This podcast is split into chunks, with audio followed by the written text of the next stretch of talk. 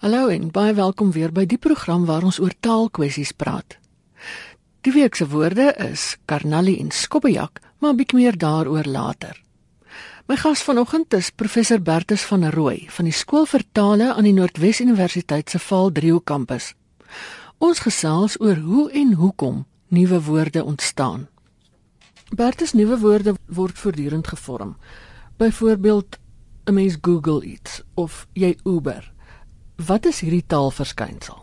Ina, daar is twee goed wat hier gebeur. In die eerste plek is dit 'n naam van 'n van 'n mens of van 'n verskynsel wat ewe skielik veralgemeen word om na ander soortgelyke voorbeelde te wys.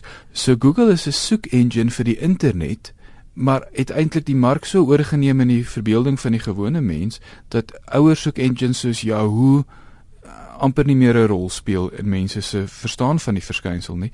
En nou verwys hulle na enige soek engine as Google. En dan vind daar 'n tweede proses plaas en dit is om nou hierdie selfstandige naamwoord Google te omskep of om te skakel na 'n werkwoord. So nou wanneer jy Google gebruik, is die werkwoord waarmee jy besig is dan om te Google. Dieselfde kry jy dus as iemand 'n SMS stuur. Dis was oorspronklik ook weer 'n selfstandige naamwoord wat verwys het na die soort boodskap, die kort boodskap, maar toe word dit ook 'n werkwoord. Jy SMS iemand, jy stuur vir iemand 'n SMS boodskap. Soos gewoon 'n korter manier van sê wat in veral in die tegnologie domein redelik algemeen gebruik word. Maar dit kan ook elders voorkom. So in die ouer tyd het jy nog na die bank toe gegaan en dan het jy geld by die bank gaan inbetaal, maar dit het dalk ook 'n lomp en omslagtige verwysing geword en toe het mense gewoon later bank toe gegaan en geld gaan bank by die bank. So dan gebruik jy bank as 'n werkwoord of as 'n selfstandige naamwoord. Jy verwys na eponimie en na omskakeling. Verduidelik net bietjie meer. Goed, wat waar dit eintlik gaan is woordvorming dat wanneer mense iets wil sê en hulle het nie al klaar in hulle woordeskat 'n eenvoudige maklike woord om dit te sê nie, dan moet hulle iets nuuts doen. Tale oor die algemeen soos Afrikaans kombineer betekenisvolle dele in nuwe dele om nuwe woorde te vorm. So mense sal vertroud wees met samestellings of afleidings wat jy op skool geleer het van twee stamme wat kombineer of 'n voorvoegsel en 'n agtervoegsel wat met 'n stam kombineer. So deur 'n proses van kombinasie kan jy maklik nuwe woorde maak en Afrikaans doen dit graag. Maar daar is ook ander prosesse om nuwe woorde te maak waar jy eintlik nie soseer die vorm van die woord verander of kombineer nie, maar net 'n bestaande woord vat en op 'n nuwe manier gebruik. So eponimie is waar jy die naam van 'n persoon of 'n produk vat en dit veralgemeen na alle tipes van daardie produk. Aspirien is 'n ou so voorbeeld wat eintlik 'n handelsmerk was vir 'n spesifieke soort uh, pynstiller en toe word dit vir algemeen na alle pynstillers vir daardie soort chemiese samestelling het. In Panado gaan dikwels ook op dieselfde manier gebruik word om na alle parasetamolprodukte te verwys en nie net na die enkele handelsmerk nie. Dit het ook dus gebeur met met Google wat eintlik die standaard woord geword het vir 'n internet soek engine. So om 'n naam te vat en dan van die naam eintlik 'n baie algemener betekenis te koppel. Ander plekke waar dit dikwels gebeur is om na siektes te verwys. So die persoon wat die siekte eerste keer ontdek, tipies die dokter, soos dokter Alzheimer of dokter Asperger, se naam word dan gebruik om na die siekte te verwys. Nou gebeur dan daarna 'n tweede proses, weer 'n die proses van omskakeling wat nie afhanklik is van eponimie nie, maar dikwels uh, saam gebruik word. As jy nou eers 'n selfstandige naamwoord het, dan skakel jy die ding om sonder om die vorm te verander. So waar jy normaalweg as jy 'n selfstandige naamwoord verander in 'n werkwoord, 'n soort agtervoegsel aansit, gaan jy dit nie doen wanneer jy omskakeling as proses gebruik nie. En dis die proses wat die meeste met name gebruik word wanneer hulle omgeskakel word na werkwoorde. Is dit 'n algemene taalverskynsel? Gebeur dit in Afrikaans dikwels en gebeur dit in ander tale? In beginsel kan al hierdie goeters in tale gebeur, maar in Afrikaanse samestelling en afleiding die meer algemene prosesse van woordvorming, so eponimie en omskakeling gebeur minder gereeld. Maar dit dit kom wel algemeen voor en is dikwels die vinnigste en maklikste manier om 'n nuwe woord te skep want wat 'n taalgebruiker in die hitte van die oomblik wil doen is om te kommunikeer en as jy nie 'n woord vir 'n ding het nie dan skep jy net maar woorde en jy gebruik die eerste naaste beskikbare ding So as dit nou vir jou lomp en omslagtig voel om heeltyd te sê ek het 'n SMS aan jou gestuur, dan sê jy net naderhand vir vinniger ek SMS jou. So dis 'n maklike en 'n gerieflike manier. Die hoeveelheid kere wat dit gaan gebruik word hang ook 'n bietjie daarvan af of ander taalgebruikers dit aanvaar. So dis maklik om op die manier woorde te skep, maar as ander taalgebruikers nie jou patroon navolg en saam met jou speel om hierdie nuwe werkwoord soos SMS of Google as werkwoord aan te hou gebruik nie, dan gaan hierdie nuutskepping van jou gouer eerder as later uitsterf. Hmm. Maar as ander taalgebruikers dink dit werk vir hulle ook lekker om dieselfde kommunikasie probleem op te los, dan gaan hulle dit aanhou gebruik en dan gaan die proses algemeen raak. So dit lyk vir my in Afrikaans is in die tegnologie domein nogal hierdie nuutskeppings wat van name kom en omgeskakel word na werkwoorde. Algemeen maar baie ander domeine sal mense sê, "Mmm, dit lyk tog vir my so bietjie asof dit 'n anglisisme is." En dan gaan mense dalk weerstand bied teen die aanvaarding van die term. Nou ons kan daaroor uh gesels met mekaar, maar as taalkundige is my enigste belangstelling om te sê wat is die maniere wat mense het om nuwe woorde te skep en as hulle dit nou eers gedoen het, wat is daardie sosiale prosesse, prestige, wa uh, waardeoordele, men maniere hoe mense met mekaar probeer kommunikeer en met mekaar probeer gemeene bande vind wat maak dat hulle sekere goeders by mekaar gaan oorneem en op ander punte vir mekaar gaan sê nee, daai woord wat jy gebruik gaan ek nie saam met jou gebruik nie. Die woord is om een of ander rede nie vir my aanvaarbaar nie. Nou mens kom baie keer af op baie oulike woorde. Sê nou maar 'n vonkpos of 'n musiekpiering vir 'n CD. Tog vind dit nie inslag nie. Die hele ding van aanvaarbaarheid. Praat bietjie daaroor. Mense voel soms verplig om vreeslik tyd te spandeer om 'n nuwe woord te skep. En as jy in terminologie werk, so as jy veral vir wetenskaplike uh, of tegnologiese uitvindings nuwe terme skep, dan word daar heelwat aandag gegee aan die denke agter die skepping van 'n woord. Maar nou soos vir die wêreld vandag in mekaar steek, vind die meeste van hierdie ontdekkings nie meer plaaslik uh, plaas nie, maar is die groot tegnologie innovasie in die noordelike halfrond Europa, Noord-Amerika of die Verre Ooste. En dan kom 'n produk met 'n bestaande naam hier by ons aan, soos wat met die kompak skuif of die musiekpiering gebeur het. Dit hier aangekom onder die naam compact disc wat baie gou CD geword het, afgekort is.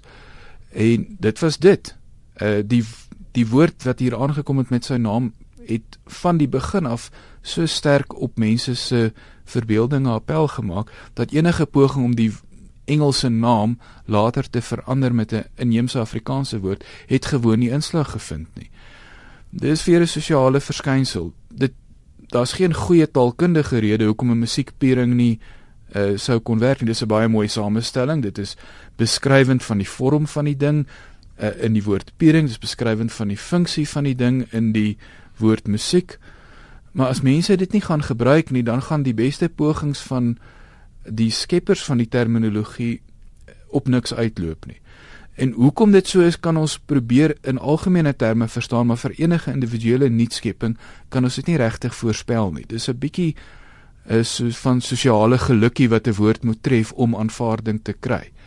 So Afrikaanse mense kan dink ons wil verkieslik nie anglisismes gebruik nie, maar in die kop van 'n gewone taalgebruiker is anglisisme nie eintlik 'n krag wat nou die aanvaarding of nie van 'n woord gaan beïnvloed. Dis dalk in die in die taalmakers se se koppe 'n belangrike faktor en dit mag so wees.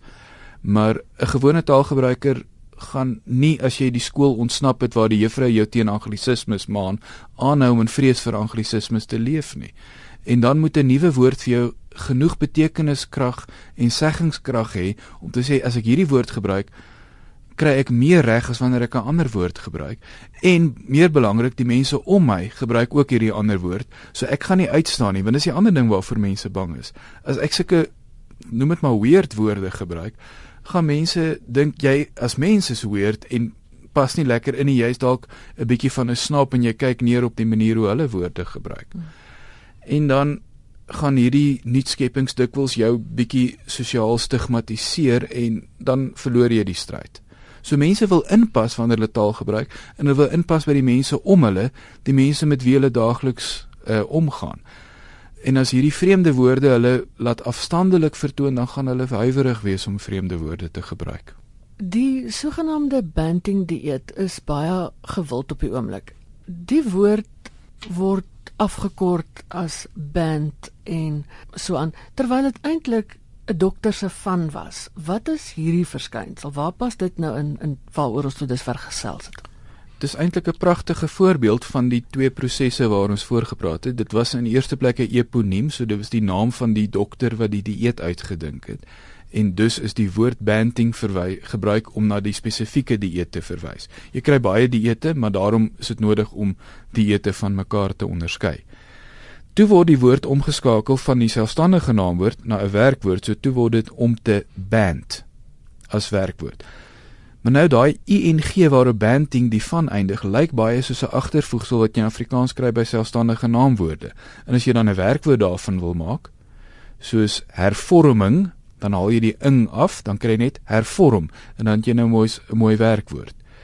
So nou haal ons die ing van banding af en dan kry ons band en dit is dan die vorm van die werkwoord. Dis natuurlik verkeerd. As jy nou as 'n taalkundige jou rooi pen uithaal in die student se analise merk en sê nee, dis verkeerd. Die ing in banting is nie 'n agtervoegsel nie, dis deel van die naam van die persoon. Maar die woord wanneer hy in 'n taalgebruiker se kop tuis wil uh, tuis kom, kom nie met al hierdie agtergrondinligting oor waar die woord vandaan kom nie.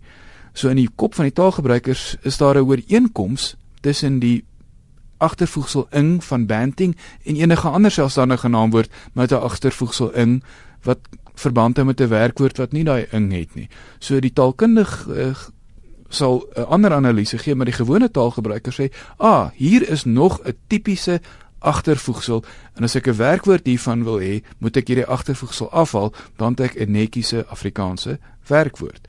So taalgebruikers pas hierdie prosesse instinktief in hulle koppe toe sonder om hulle te steur aan die woord se hele herkomsgeskiedenis. Hulle kry die woord soos wat dit is en hulle pas die prosesse soos wat dit in hulle koppe gerepresenteer word gewoon toe. En dis absoluut normaal. Dit sou vir my eintlik baie vreemd gewees het as Afrikaanse is Afrikaans sprekende nie daai ing van banting gaan afhaal het nie. Afrikaans is bekend daarvoor dat hy leenwoorde gebruik oor honderde jare. Hoe maak jy seker dat jy skep nuwe woorde en jy's nie gewoon lui nie? Enige taal wat met 'n ander taal in kontak is, gaan by die ander taal leen. So Afrikaans wat oor die laaste 200 jaar met Engels in kontak was, leen by Engels, maar Engels in Suid-Afrika leen ook by Afrikaans. En partykeer van hierdie ontlenings van Suid-Afrikaanse Engels vind hulle weg na ander forme van Engels in ander wêrelddele. So ontlening woorde oor en weer leen by mekaar is noodwendig en vanselfsprekend in gevalle waar tale in kontak met mekaar is. So die rede hoekom Afrikaans dikwels by Engels leen is omdat Afrikaans met Engels in kontak is. Terwyl Afrikaans onwaarskynlik gereeld by Japanees gaan leer want die daaglikse kontak tussen Afrikaans en Japanees is baie beperk. Dis die eerste deel van die van die antwoord. So die eerste deel is mense hoef nie daar besorg te wees nie. Jy moet besorg wees as dit nie gebeur nie, want dan beteken mense is nie regtig met mekaar in kontak nie. Hulle leef by mekaar verby. Die tweede deel is wat maak dat hierdie woorde aanhou gebruik word teenoor alternatiewe. En daar is allerlei forme van sosiale waardeoordele eerder as luiheid wat ter sprake kom. So mense sê, "Hoe gaan ander mense my verstaan as ek hierdie woord gebruik?" So die heel eerste norm vir verstaanbaarheid is eintlik in die kontaksituasie van twee mense. Ek gaan die woord gebruik wat ek veronderstel die beste deur jou verstaan gaan word. Ek gaan nie probeer om jou te beïndruk met hoe slim my woorde is nie. Miskien het studente soms die ervaring dat hulle dosente dit doen voor 'n klas. Hulle probeer slim lyk deur groot woorde te gebruik. Maar dis nie baie effektiewe kommunikasie op 'n alledaagse interaksie vlak tussen mense nie. So enige ander woord wat mense uitdink en as alternatief voorstel, moet meer verstaanbaar wees vir die taalgebruikers en moet hulle help om hulle soort sosiale doele onder mekaar te bereik. Uh, daarom dink ek is luiheid waarskynlik 'n oordrewe oordeel oor oor taalgebruikers se gedrag. Eintlik probeer hulle net mekaar verstaan en met mekaar 'n goeie gesprek voer. Dis dis die die taalgebruikers se twee hoofnorme is verstaanbaarheid wat op 'n manier kom ons sê uh, is hoe ek jou jou verstand inskat, jou verstaan van die taal skat ek in en ek probeer die woord gebruik wat ek dink jy die beste gaan verstaan. En die tweede oorweging is ons sosiale statusse teenoor mekaar. Ek praat met jou op 'n manier wat ek dink ek myself die beste aan jou voorhou. En vandag se taalgebruiker is dalk meer versigtig daarvoor om verwaand en en verhewe oor te kom en sal daarom eerder dalk die alledaagse indien dan Engelse term kies en nie 'n vreeslike lang komplekse Afrikaanse woord wat dalk 'n uh, snobisme of 'n statusverskil kommunikeer nie. So as mens die faktore almal bymekaar sit, dan kan jy gaan probeer dink hoekom gebruik mense nou juist hierdie woord of daardie woord, maar die saak is dikwels meer kompleks as net luiheid of net slordigheid aan die kant van die taalgebruiker. Dit was professor Bertus van Rooi van die skool vir tale aan die Noordwes Universiteit se Valdrio kampus. Nou sluit ons aan by Dr Willem Botha van die Woordeboek van die Afrikaanse taal vir die woorde van die week.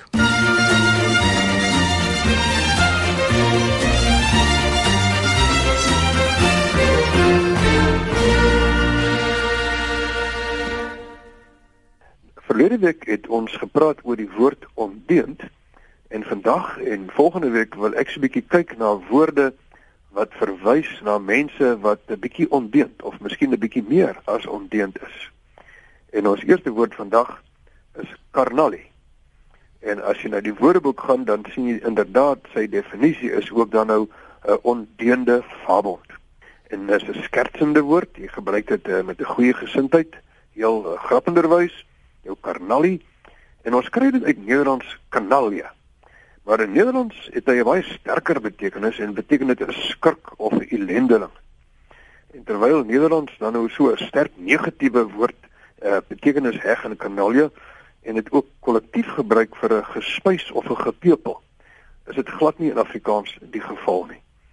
Ehm um, so in Nederlands beteken dit 'n skurk of 'n ellendeling of die gespuis of die gepepel groep mense. Interessant van kanalia is dat dit in 'n hele aantal ehm um, tale voorkom.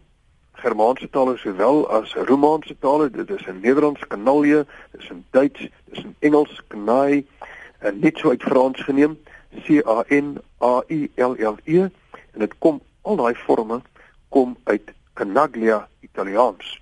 En 'n canaglia is 'n hondegebroedsel. En dit sluit nou aan by die Nederlandse betekenis van 'n gespuis, 'n gepepel. En die canaglia wat 'n hondegebroedsel is, baie beledigende naam om 'n groep mense te noem, kom natuurlik uit canis in Latyn wat 'n hond is. Dan uh, wil ek praat oor skobbejak. Skobbejak is 'n uh, bietjie meer is bietjie erger as ondeend. Skobbejak is 'n skurk. En ons kry dit uit Nederlands skobbejak en dit is saamgestel uit skobben en jak. En skobben beteken om te skuur, om te krap, om te juk of te vryf.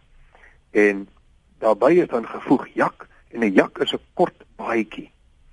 Nou die woord skobbejak het waarskynlik ontstaan as gevolg van die na aanleiding van die hawelose mense wat luise of skilfers gehad het en dan het hulle hulle baadjies, hulle jakke uitgetrek en die ontslaap probeer raak van die luise of vlooie of skilfers wat hulle maak juk het. So dis dan 'n kombinasie van juk en baadjie. Ehm um, na aanleiding van die arme mense wat hulle klere uitgetrek het en uitgeskit het omdat hulle so gejuk het. Nou baie interessante studieveld is natuurlik kindertaal. En ek sê dit omdat uh, spesifiek my eie dogter toe sy klein was 'n woord gemaak het naamlik boewejak. En boewejak is 'n samestelling van boef en skobbejak. En mense kry die interessantste woorde en is interessant hoe die groot taalkundiges meestal op 'n stadium kindertaal nagevors het en dan natuurlik omdat hulle getref was deur hulle eie kinders se oorspronklikheid en spitsvondigheid.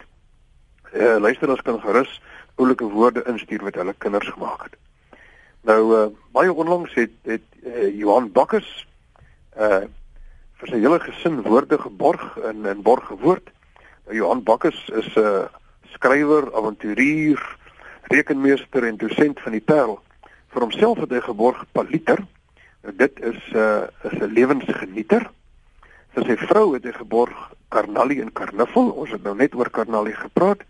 Vir sy seun Mark het hy geborg Pantoffel. Dit kom uit die Grieks en dit beteken heeltemal van kurk, want oorspronklik het pantoffels sole van kurk gehad. Vir sy dogter Kara spookasem, vir sy skoonseun Gallie Kabouter en dan het Erik Areis van Vlaandere in verre Vlaandere die woord ligfietser eksklusief geborg vir R5000. Nou 'n ligfietser is nie letterlik iemand wat in die lug fietsry, maar dis eintlik iemand wat droom, iemand wat lugkastele bou, iemand wat nie heeltemal met die werklikheid uh, rekening hou nie. As jy ook 'n woord wil borg, dis baie eenvoudig. Vir R100 kan jy enige Afrikaanse woord borg. Jy kry 'n sertifikaat met jou naam en die woorde woorde wat jy geborg het en daar is twee Sanlam-pryse van R25000 elk op die spel. Jy kan ook 'n woord vir R5000 borg, dan mag niemand anders daardie woord borg nie. Maar as jy nou in hierdie feesjaar van die WAT, ons moet 90 jaar oud verjaar, as jy in hierdie jaar 'n woord borg, kry jy ook vir 6 maande gratis toegang tot die aanlyn WAT en indien jy 'n woord eksklusief borg vir R5000, kry jy 5 jaar gratis toegang tot die aanlyn WAT. Om deel te neem, gaan eenvoudig na ons webtuiste www.wat.co.za wat kosa en klik op borg gewoord en jy kry al die nodige inligting. Of jy Google doeteenvoudig Woordeboek van Afrikaanse taal of borg gewoord en jy kry ook die inligting daar.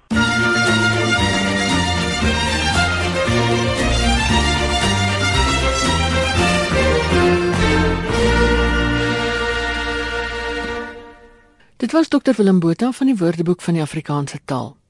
En daarmee is dit ook tyd om te groet. Van my Ina Strydom, alles van die beste. Tot 'n volgende keer.